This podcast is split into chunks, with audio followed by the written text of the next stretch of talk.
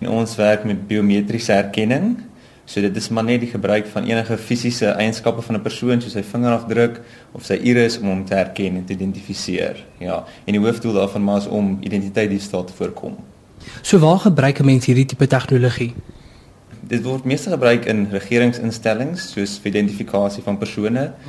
Maar dit kan ook ander plekke soos in en uitklokstelsels waar hulle vingerafdrukke gebruik en dan in hospitale om mense te identifiseer en die polisie natuurlik om vermiste mense en kriminele op te spoor gebruik dit ook. Watter soort stelsel is die mees gewild en hoe werk dit eintlik?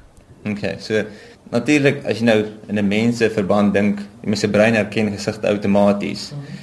En maar wat eintlik gebeur is dit kyk na die verhouding tussen jou oë en die vorm van jou gesig. En jy kan dieselfde met 'n rekenaar doen, kan jy hierdie eienskappe uithaal en die rekenaar kan natuurlik baie vinniger deurgaan en kyk. En so ehm um, wat ons doen gewoonlik met die vingerafdrukke is die rekenaar se twee vingerafdrukke vergelyk oor 'n tydperk en dan vir jou sê of hulle dieselfde is en dan so die persoon identifiseer. Ja. Hoekom is dit belangrik om hierdie stelsel te gebruik in plaas van 'n ander tipe? Dit is maar hoekom ons biometriese herkenning gebruik is as jy kyk na ons geboortesertifikate, daar is nou wel inligting op soos jou identiteitsnommer en jou naam en so aan, maar dit kan nie regtig gekonnekteer word aan jou as jy dit het nie. Dit is nie die persoon wat daar staan as nie so 'n fisiese eienskap wat dit beamoen nie. So daarom as jy vingerafdruk het, dan kan jy dit vir daai persoon vra om dit vir jou te gee en dit vergelyk met die oorspronklike een en so kyk dan identifiseer vir dieselfde persoon. Dis nie iemand wat die identiteitsdokument gesteel het en dit gebruik nie. Mm. En ja, natuurlik is baie vinniger en is So sal ons sien dat hierdie tipe tegnologie 'n uh, ding soos 'n ID-dokument dalk in die toekoms sal vervang.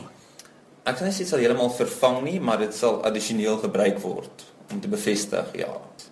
Julle is besig om aan 'n projek te werk. Vertel my 'n bietjie daaroor. Ja, so hierdie tegnologie word baie gebruik vir volwassenes, soos in finansiële instellings by banke en so, maar die probleem deesdae is met minderjariges. Daar's nog eintlik 'n stelsel wat vir hulle werk nie.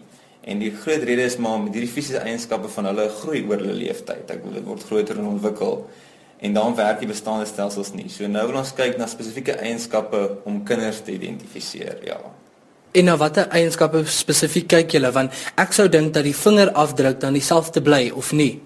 Die patroon naaste my bly dieselfde, maar hy hy, hy word groter. Hmm. Ons is nog heeltemal seker in watter verhouding nie, so ons moet nog daar 'n bietjie werk, maar ons gaan ook kyk na die oor en na die irispatroon van die oog.